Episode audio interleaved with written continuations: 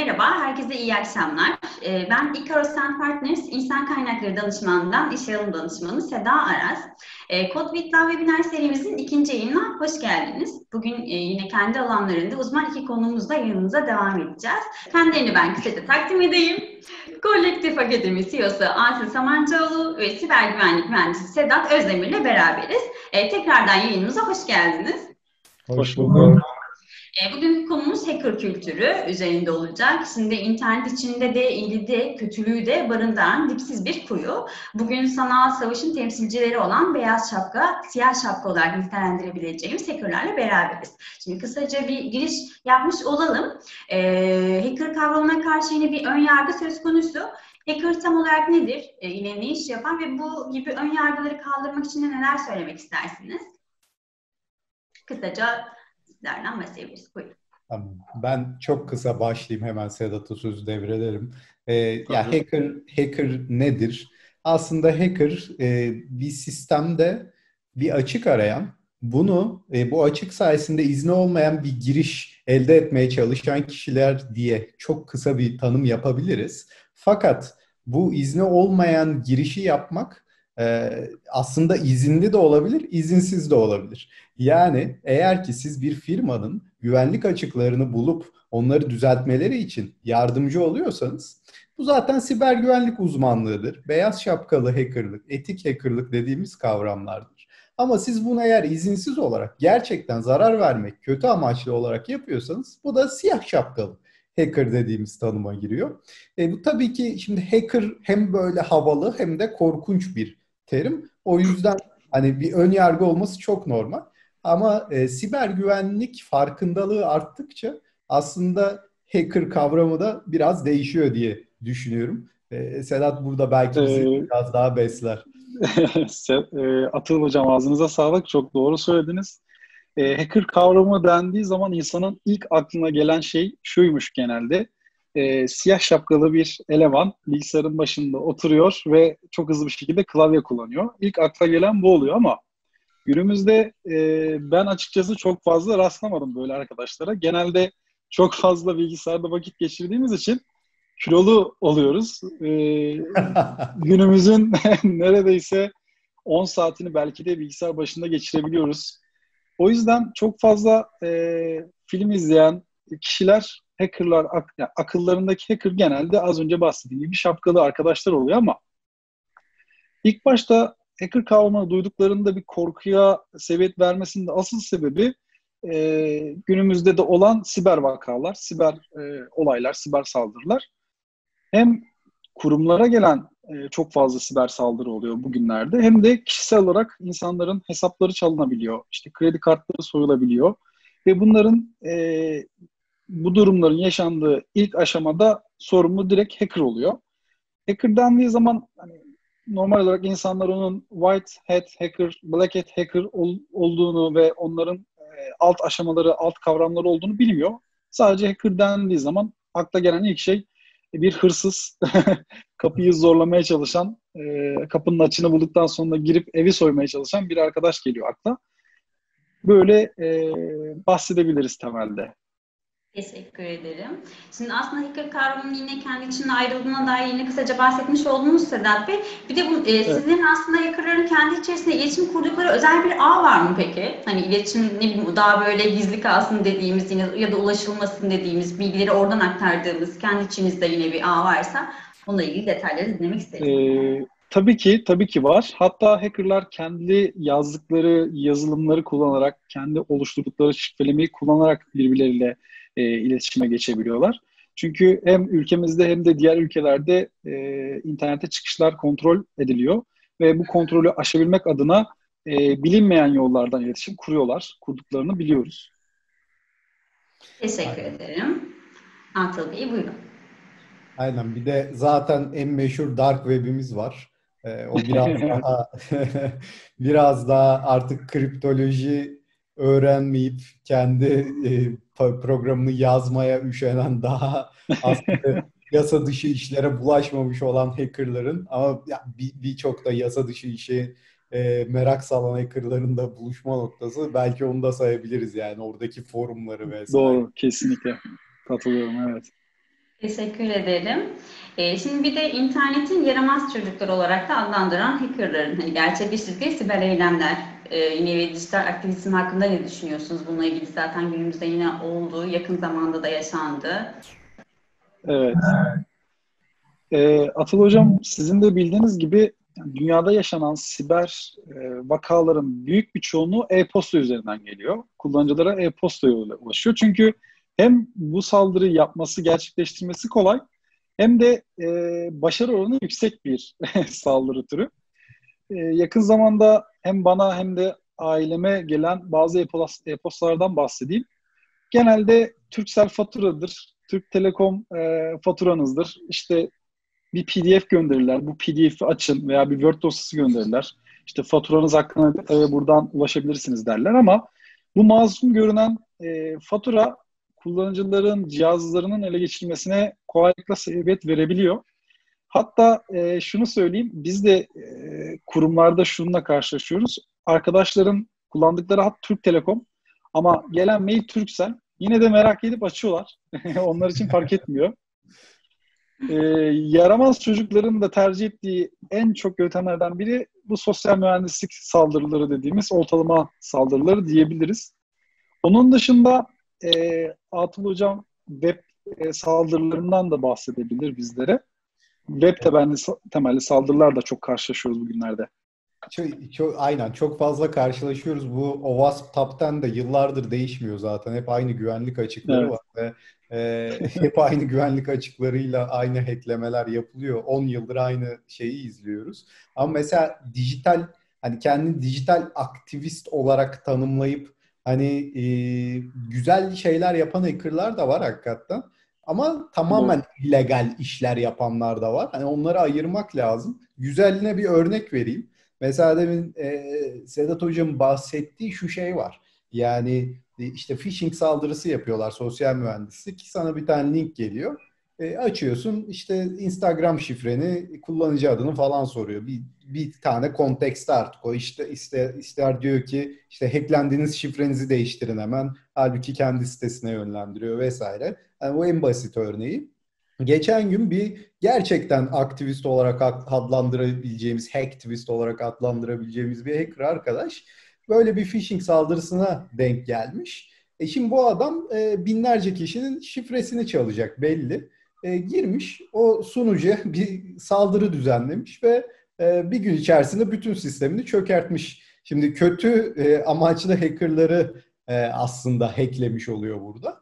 E, bu bence güzel bir örnek. Yani ne kadar yasal, ne kadar yasa dışı vesaire tartışılır. Hani herkes önüne geleni hacklesin diye bir şey yok tabii ki ama bir de hani ben dijital aktivistim diye bütün devlet sırlarını ortaya dökmeye çalışan şeyler var. O, tabii ki o tamamen illegal. Yani onun bir aktivistliği kalmıyor o noktada. Doğru. Eklemeniz gereken bir şey var mıydı Sedat Bey? Bölmüş gibi olayım ben. Benim ufak bir eklemem var. Ee, özellikle gezdiğim forumlarda çok rastlıyorum. Şimdi hack kavramı, hacker kavramı günümüzde gittikçe yaygınlaşmaya başladı. Yani gençlerin buna olan ilgisi de artıyor. Ee, özellikle e, lise çağında olan arkadaşların. Ve onlar e, bu işleri yapıyorlar ama bunların sonuçlarını düşünemeyebiliyorlar. Yani ileride kariyerlerine ne kadar etki edeceklerini düşünmüyorlar. Dolayısıyla bu tarz illegal aktiviteleri kesinlikle önermiyoruz. E, sonrası e, çok kötü olabiliyor onlar için. Yani ufak bir web siteye girip indeks atmak onlar için çok havalı olabiliyor. E, sınıfta arkadaşlarıyla paylaşıyorlar. İşte ben şu siteyi ekledim, indeks bastım, adım yazıyor, girin bakın dendiğinde ileride onun cezasını çekebiliyor. O yüzden buradan hem takipçilerimize, genç takipçilerimiz varsa Onlara da bir öğüt niteliğinde olsun. E, her açık bulduğunuz siteye girmeyin. Hatta Türk sitelerine o açığı bildirirken bile dikkatli olun. Çünkü siz e, kapıyı aşıp içeri girmeseniz bile en başta o kapıyı kontrol ettiğiniz için bile hesap sorulabiliyor. E, böyle bir açıklama eklemek istedim. Teşekkür ederim Sedat Bey. Ee, bir de şimdi e, dijital dünya yeni keşfedilen bir dünya ve birçok büyük firmanın da güvenlik açıkları mevcut. Hani siber güvenliğin sağlanmasının adına da yine e, firmalar nasıl adımlar yine atmalı? Siz neler önerirsiniz? Nelere dikkat etmeliler gibi? Burada e, tabii ki her firmada olabilecek e, hem kişisel hem de firmaların kullandıkları ürünlerde çıkan birçok zafiyet oluyor. Bu zafiyetlerin belirli zamanlarda kontrol edilmesi gerekiyor. E, yani çok ufak bir örnek vereyim. Güncel olmayan bir e, işletim sistemi kullanan bir firma e, bütün bilgisayarların hacklenmesine bile sebebiyet verebilir. Yani ufak bir açıktır ama mide bulandırır, çok büyük e, zararlara sebebiyet olur. Bunları olabildiğince tespit etmek için siber güvenlik uzmanlarına başvuruyorlar. Siber güvenlik uzmanları dediğimiz kişiler de aynen hackerlar gibi e, bilgi ve birikime sahipler. Bir sistem koyduğunuz zaman önüne tıpkı bir hacker gibi analiz ederler ve hacklerler. Sadece tek farkları bunu e, zarara uğratmak yerine raporlarlar. Ben şu sistemde şöyle bir açık buldum. Bu şekilde istismar ettim e, bu açığı şöyle kapatabilirsiniz şeklinde bir rapor sunarlar o kuruma. Ve bu raporu e, kurumlar belirli ekiplerine paylaşıp oradaki açıkları kapattırırlar ve siber güvenlik konusunda, e, sistem güvenlik konusunda e, büyük bir adım atmış olurlar. Zaten bazı e, Atıl Hocam da iyi bilir, bazı kanunlar da çıktı bununla ilgili. Yılda birkaç kez özellikle bankaların BDDK kapsamında yap, yaptırması gereken sızma testleri oluyor. Bunlar yerel ağ barındırdığı gibi web'tir, wireless ağdır, mobil application'dır. Bütün e, internete bağlı cihazları da kapsar. Böyle anlatabilirim sizlere. Teşekkür ederim Sedat Ben, ben de şeyi ekleyeyim. Yani bence zaten hani zaten zorunluluk artık sızma testi e, büyük bir şirketseniz yaptırmanız gerekiyor. Gerekli önlemleri almanız gerekiyor. Belki tek ekleme şey olabilir. Yani bence artık her çalışanın siber güvenlik farkındalığı eğitimi aldırılması zorunlu olmalı. Çünkü yani Kesinlikle. sen sistem adminsin, o kadar uğraşıyorsun. Yılda dört kere sızma testi bilmem ne bin tane güvenlik. Adam işte Türk Telekom faturasını açıyor. Yani şimdi Türk Telekom hattı bile yok. Yani yapma etme. Ee, bunu işte ve e, gerçekten bir çalışmada bu zararlı dosyaların açılma süresini 5 dakika göstermişler. Yani e diyorum ben mail atınca 5 günde dönüyorsun kardeşim. Zararlı maili nasıl 5 dakikada açtın? Hani yani ne oldu da nasıl yaptın bunu? E, ve ya bunları bilmek zorunda değil insanlar. Çünkü öğrenmemiş olabilirler ama öğrenmek zorundalar. E, o sebeple de bence artık bir hani her firmanın yılda bir kere en azından yeni girenlere, ilk başta herkese siber güvenlik farkındalığı yapmayın, etmeyin, işte wireless'ta buna dikkat edin, mailde buna dikkat edin şey katması lazım. E, yoksa sistem adminler de artık e, hayattan beziyor. Yani ne kadar güvenlik önlemi alırsa alsın. Evet. Bir tane bilgisayar yüzünden bütün abi şeyler olabiliyor yani. Teşekkür ederim Asıl Bey. E, bir de şimdi baktığımızda bu noktada hacklenebilir dediğimiz hani daha öncelikli olarak neler hacklenebilir ya da neler hacklenemez? Kendimizi yine bu durumdan nasıl koruyabiliriz? Yine özel firma özelinde değil de daha genel baktığımızda aslında neler diyebiliriz bununla ilgili? Atıl Bey sizden başlayalım dersiniz. Yani, e, genel olarak e, internetle bağlantısı olan her cihaz hacklenebilir. E, burada tabii ki hepsinin şeyi var. Neden ona yani kesin hacklenir veya yüzde yüz kesin bir güvenlik açığı bulunur diyemiyoruz ama e, hacklenmesi mümkün. Çünkü işte e, kullandığınız programlar, yani normal bir telefon kullanıcısının bile dikkat etmesi gereken birçok şey var e, bağlandığınız ağlar, bilgisayarınızı kullanırken yaptığınız işler, her şey hacklenebiliyor. Yani gerçekten işte elektrik süpürgesinin hacklendiğini gördük. Yani e, IoT evet. arttıkça, Internet of Things arttıkça e, bu internete bağlanması zorunlu olan buzdolabı, televizyon, çamaşır makinesi bilmem ne hani bunların hepsi bir servis çalıştırıyor sonuçta. Eğer orada yanlış yapılan işler varsa, yanlış yapılan ayarlar varsa, bir zafiyet varsa e, mutlaka içeri girilebiliyor. E, güncellemelerle e, halledilmeye çalışıyor. Ama ya insanlar bilgisayarına gelen güncellemeyi 6 ayda yapıyorlar. Hani elektrik süpürgesini kim güncelleyecek gibi gibi birçok şey çıkıyor ortaya. e, problem çıkıyor. O yüzden aslında yapılması gerekenler çok basit. Bir işte her şeyin en güncel versiyonunu kullanmaya çalışmak, e, bilip bilmediğimiz ağlara bağlanmamak, olabildiğince public ağlardan, ücretsiz ağlardan uzak durmaya çalışmak. Telefonumuza işte yok ben modify edilmiş APK indirdim. bilmem ne oyununu bedava oynuyorum. Böyle şeylere inanmamak ve hani oynasam bile hackleneceğini bilmek. Hani aslında çok hani anlatınca komik gelen ama herkesin yaptığı e, maalesef şeyler. E, bunlara dikkat etsek kişisel olarak bize bir şey olmaz gerçekten. Teşekkürler Ertuğrul. Sedat Bey eklemek istediğiniz bir şey var mıdır? Ee, çok güzel anlattı Atıl Hocam. Gerçekten etkile, eklemek istediğim bir şey şu an yok. Tamamdır. Ağzınıza sağlık. Evet. Şöyle bir de e, yine internet ve sistem güvenliği şirketler için büyük bir sorun olmaya devam ederken ethical hackerlar dediğimiz olan ilgi de artıyor. Hani bu peki e, yine ethical hacker olmak için ne yapılmalı? Olmak isteyenler neler yapması gerekir? Yine kısaca bahsedebilir misiniz? Tabii orada ben biraz bahsedeyim. Ee, şimdi önceden ethical hackerlıkla alakalı, siber güvenlikle alakalı okullar çok fazla yoktu. Ama şu an günümüzde e, yavaş yavaş açılmaya başladılar. Hem üniversite programı, işte yakın zamanda bir lise programı açıldı Teknopark'ta. E, daha çok da yaygınlaşacağını ben düşünüyorum. Çünkü e, yazılım ne kadar önemliyse, e, bilgi ve iletişim ne kadar önemliyse onun güvenliği de önemli. Ethical hacker'la artan ilgi de aslında bununla alakalı. Çünkü günümüzde birçok işlevi elektronik cihazlarla e, halletmeye başladık. Hackerlar da bunu görüyor ve o elektronik cihazları tabii ki bir şekilde hacklemenin yolunu buluyorlar. Ee, burada ben kendi hikayemden biraz bahsedeyim. Ben e, lisede yazılım okudum. Sonradan siber güvenliğe kaydım. E, ve siber güvenlikte bana en büyük katkı sağlayan Atıl hocamdır, Udemy eğitimleridir. Onun dışında da kitaplardır. Yani okumaktan, merak etmekten asla gocunmadım, asla yılmadım. Sürekli bir şeyleri araştırmak üzerine yoğunlaştım. Zaten bir şeyi merak ediyorsanız araştırıyorsunuz. Araştırırken de istemeden öğreniyorsunuz. O bilgiyi ediniyorsunuz. Bunun yanına da araştırdığınız bir konunun uygulamasını koyduğunuzda e, aslında o ethical hackerlık dünyasına girmiş oluyorsunuz. Temel anlamda e, kitapların okunması ve uygulamaların yapılması e, gerektiğini düşünüyorum.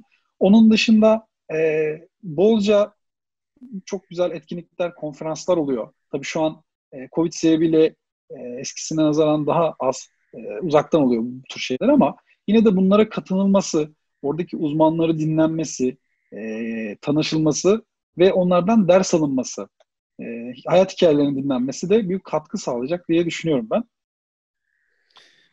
Hayır yani e, ben zaten hepsine yüzde yüz katılıyorum ve e, en çok da yani çok fazla artık e, bilgi var ve neredeyse ücretsiz ya çok düşük ücretli ya da hani evet. ücretsiz birçok kaynak var. Keşke eski, eskiden de böyle olsaydı. Hani ben lisede yazılımı öğrenirken bayağı kitap hani kitapta 10 sene önce yazılmış falan filan hani hiç çok böyle kıt kaynaklarla harbiden öğrenmek zorundaydık. E, keşke Udemy olsaymış yani bundan 15 yıl Aynen öyle. E, ama burada önemli olan ya siber güvenlik hakikaten çok çok geniş bir şey alan. Onun farkında olmak. Harbiden yazılımdan falan da daha geniş. Çünkü hani yazılımda bilmeniz gerek güvenlik, network hani bin tane olayı var bunun içerisinde. Ve hiçbir zaman öğrenmenin sonu olmayan hani ben her gün yeni bir şey öğreniyorum siber güvenlikle ilgili.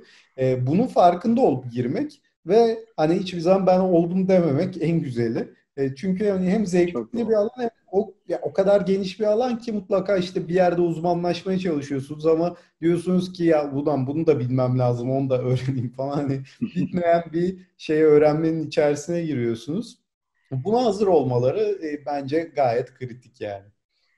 Teşekkürler Ertuğrul Bey. E, şimdi e, Türkiye'de oluyor aslında ama globalde hack dünyasında aslında neler oluyor? Bununla ilgili neler örnekler verebilirsiniz? Ülkemizdeki süreçlerle arasındaki farklılıklar neler olabilir? Bununla ilgili yine kısaca sizden dinleyebiliriz dilerseniz. Global dünyada ben biraz bahsedeyim. Yaptığım işle de biraz alakalı. Global dünyadaki siber e, atakları takip ediyorum. E, yakın zamanda olan bir siber ataktan bahsedeyim. Yine e-posta üzerinden gelen bir atak. Yine kullanıcıya bir e, muhasebe dokümanı göndertip onun açmasını e, sağlamak ama burada e, e-posta güvenliğine ciddi yatırımlar yapılıyor artık. Yani milyonları bulabiliyor. İşte anti-spam'dır, sandbox ürünleridir ve diğer güvenlik çözümleridir. Bir şekilde o e-postanın kullanıcıya ulaşmasını engellemeyi amaçlıyor temelde. Ama saldırganlar da e, o güvenlik çözümlerini atlatmanın bir şekilde yolunu buluyorlar. Nasıl yaptıklarından biraz bahsedeyim. Şimdi e, güvenlik uzmanları e-posta içindeki bazı kelimelerden tespit sağlamak için bazı keywordleri e, ürünlerine tanımlıyorlar. Mesela ektedir, işte e, bakınız, şu linki ziyaret ediniz gibi şeyleri e, bu tarz kelimeler veya cümlecikler geçen e-postaların tespitine tespit yapmaya çalışıyorlar. Son senaryoda şöyle bir şey denk geldik. Yabancı kaynaklı bir e-posta e, yabancı bir kişi tarafından gönderilmiş. Ama e-posta içindeki attached yani ektedir kelimesi aralarına boşluk veya nokta koymuşlar. Ve içine bir tane zip dosyası koymuşlar. Yani artık dokümanı direkt göndermiyor adamlar. Bir arşiv e, uygulaması kullanarak onu şifreliyorlar. Üstüne üstlük kullanıcının o zipli, şifreli e, dosyayı açabilmesi için de parolasını da e-posta içine yazmışlar. Böylelikle güvenlik çözümlerini atlatmışlar. Çünkü güvenlik çözümleri o zip dosyasının içinden e-post e, dokümanı çıkartamadığı için, e, inceleyemediği için, şifreli olduğu için eleman gelip e, şifreyi de içine yazmış. Sen bunu aç. Çünkü gizli bir belge demiş. Yani öyle bir bilgi de yazmış içerisine. Bu gizli bir belgedir. E, şifresi şudur. bunu sen bir aç bir bak demiş. E, yani burada demek istediğim saldırganlar bir şekilde o güvenlik çözümleri atlatmanın yolunu buluyorlar. Ve global dünyadaki karşılaştığımız en büyük senaryoda e-posta tabanlı saldırılar diyebiliriz. Ama onun dışında web tabanlı saldırılarda yine çok fazla var. Özellikle DDoS saldırıları e, çok karşılaştığımız bir saldırı türü.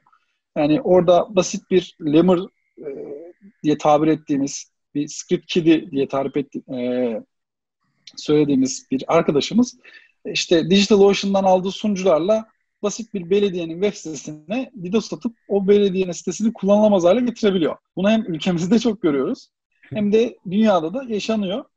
Ee, temelde DDoS ve oltalama saldırıları diye ben görüyorum. Atıl Hocam burada ekstra yorumlarınız varsa Yok ben ben de tam yani DDoS'tan bahsedecektim çünkü iyice cıvı çıkmış durumda hani. Kesinlikle öyle. E, gerçekten bu arada artık şeyler de kendini geliştirmeye başladı yani e, kendini koruyanlar işte Amazon geçen gün tarihin en büyük DDoS saldırısını savuşturduk falan dedi.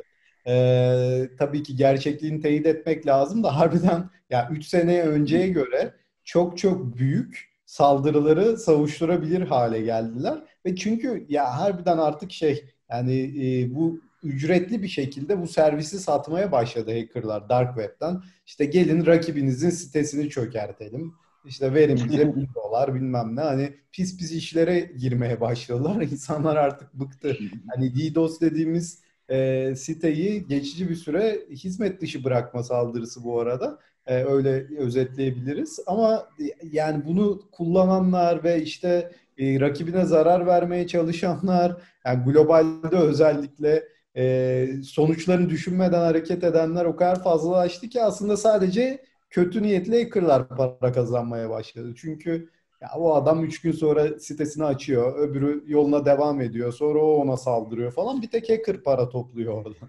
O da yani bayağı kötü bir şeye gitti. Ee, şimdi yavaş yavaş de önlemler de işte Cloudflare olsun, Amazon olsun güzel önlemler almaya başladılar herhalde. E, üstesinden gelecekler bir şekilde. Teşekkür ederim. Ee, bilirsin aslında büyük siber saldırı oluyor evet ve bunu yapan kişiler de aslında e, neden bir yeri hacklemek ister ya da arka planda psikolojik bir sebebi mi yatıyor olabilir? Hani bununla ilgili düşünceleriniz neler? Ha, psikolojik sebeplerinde tabii ki kesin bir şey vardır. Yani orasını çok değerlendiremem ama e, şu en en şu anda en popüler saldırımız ransomware saldırısı. İşte yine sosyal mühendislikle ve phishingle gelen. Bu da e, şey saldırısı, fidye saldırısı. Yani para istiyorlar. Ben senin bütün sistemini kilitledim. E, yatır bakalım 2 bitcoin, yatır bakalım 10 bitcoin. Hani şirketin büyüklüğüne göre ve harbiden çok büyük paralar dönüyor. Yani e, biz şirket olduğunuzu düşün. Bütün sistemleriniz kilitleniyor. E, yapacak yani e, bütün uzmanlar çalışıyor ama backup almamışsınız. Bir şey yok. Hayda ne yapacağız? Ya işte 3 gün daha uğraşacağız. Belki çözeceğiz. Ya da hemen açacağız. Hani o 3 gün boyunca devamlı para kaybediyoruz. Nasıl hemen açacağız? Hadi 15 bin dolar, 20 bin dolar, 30 bin dolar verelim hacker'a. Şimdi bu fidye saldırısında çok bariz nedir e, motivasyonları. Hani diğer e, şeyleri çok bilemiyorum dediğim gibi kendini hacktivist olarak tanımlayıp e, işte zarar vermeye çalışanlar falan var. Vardır bir ideolojileri bir şey ama e, şu an en popüleri para kazanmak için bunu kötü amaçlı kullanan arkadaşlarımız. Teşekkürler. Ben, ben de katılıyorum. Ee, ya gövde gösterisi için onun dışında yapıyorlar. İşte kendi platformlarında kendilerini ön plana çıkartmak için bu işlemleri yapıyorlar. Bazı gruplar devlet adına çalışıyor. Diğer devlet kurumlarına saldırmak üzere topluluk oluşturuyorlar kendi işlerinde. Veya bazı gruplar e, kendi ideolojilerini Atıl Hocam'ın dediği gibi ön plana çıkartmak istedikleri için bu işlemleri yapıyorlar ama temelde en çok yapmalarının sebebi para, e, ekonomik durumlar, sıkıntılar. Zaten e, suça meyilli olmayan birisi dark bir işlem, e, illegal bir işlem yapmıyor. Geliyor paşa paşa siber güvenlik uzmanı oluyor. Bu işi e, beyaz şapkalı olarak yapıyor. E, gidiyor her gün danışman firmasına gerekli işlerini tamamlıyor, raporunu çıkartıyor yani. Temelde bu sebepten. Çok sağ olun. Ee, bir de aslında izleyenlerimize de biraz tavsiyelerde bulunalım istiyorum. Şimdi hack konusunda ilgi duyan ve bu alanda yine yetişmek isteyen e, birilerini nasıl yönlendirirsiniz? Hangi becerilerin yine edinmesi gerekir kendilerinin? Ee, az önce Atıl Hocam bahsetti. Yani bu işi yapmak için birçok konuya e, hakim olmak gerekiyor bir kere. Bunun içinde yazılım da var, e, işte networking de var, ağ temellerini çok iyi bilmesi gerekiyor. Web uygulamalarını bilmesi gerekiyor. İşte offensive security tool'larını ve işletim sistemlerini, Linux'u çok iyi bilmesi gerekiyor. Daha ben böyle 10-15 tane kriter sayarım. Ee, benim tavsiyem yavaş yavaş başlaması ve uykusuzluğa alışması insanların. Çünkü e, uykudan biraz feragat et, et, et, etmek gerekiyor yani bu işleri öğrenmek için. Onun dışında çok dev bir ansiklopedimiz var. Şimdi eski, eskiler gibi kitap açıp okumak da zorunda değiliz. Yani Google diye bir ansiklopedimiz var ve orada istediğimiz her şeyi aratabiliriz. Ee, oradan bolca araştırma yapsınlar. Benim en çok sıkıntı yaşadığım konu İngilizce. Çünkü Türkçe kaynaklar bir yere kadar. E, Atıl Hocam gibi sağ olsun Türkçe içerikler üreten insanlar var. Bize çok yardımcı oluyorlar ama e, bir yerden sonra hani farklı içerikler araştırıyorsunuz ve bunun Türkçe karşılığını bulamıyorsunuz. İngilizce araştırmalar yapmanız gerekiyor. Orada işte tıkanıyorsunuz. Bu yüzden e, ben yani benim kişisel fikrim bu. Hepsinden önce İngilizce öğrenilmesi. Yani en azından araştırma yapabilecek kadar İngilizce öğrenmesi e, yeterli. Gerisi kolay diyebilirim. Kesinlikle yani bu İngilizce mevzusu ya yazılımda da öyle, siber güvenlikte de öyle. Olmazsa olmaz artık yapacak bir şey yok. Oradan bir giriş yapmak gerekiyor. Ee, ve bu hani İngilizce zaten geliştirebildiğiniz kadar geliştirin ama şey gibi de hani yeni başlayan arkadaşlar ve özellikle İngilizce öğrenemediyse e, demotive olmaması lazım. Yani öyle bir öğrenirsin ki en azından okuduğunu izlediğini anlayacak duruma gelirsin. O yeterli olur e, siber güvenlik için ama tabii ki geliştirebildiğin kadar geliştirmen gerekiyor.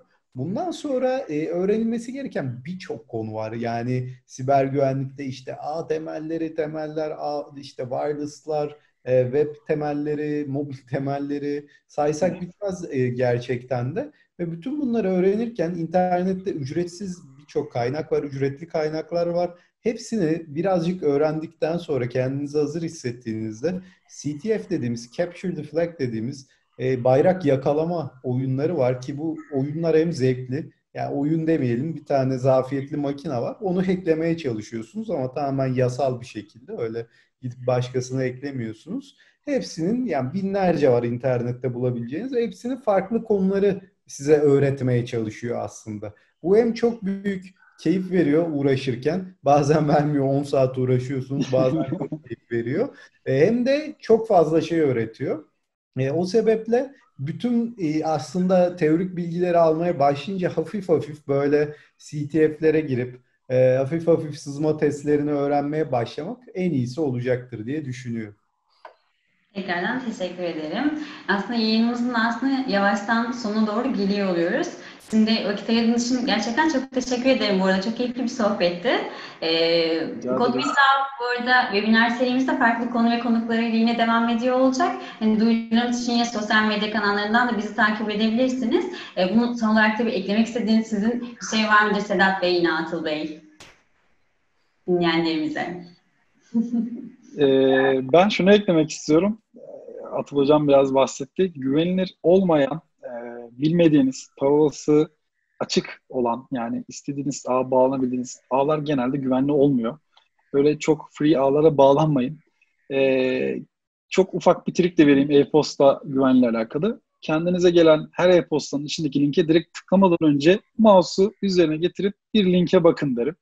Ee, zaten linki gördükten sonra onun sahteliğiyle alakalı fikir edinebiliyorsunuz. Bu iki şeye dikkat ederseniz zaten e, tam oranda tabii hiçbir zaman koruma sağlamak mümkün değil ama günlük hayatımızda e, az da olsa güvenliğimizi sağlamış oluruz. Bunlara dikkat edilmesini öneririm ben. Tamamdır. Çok teşekkür ediyorum. E, tüm izleyenlerimize de iyi akşamlar diyorum. Hoşçakalın. Çok sağ olun. Teşekkürler. Teşekkür ederiz.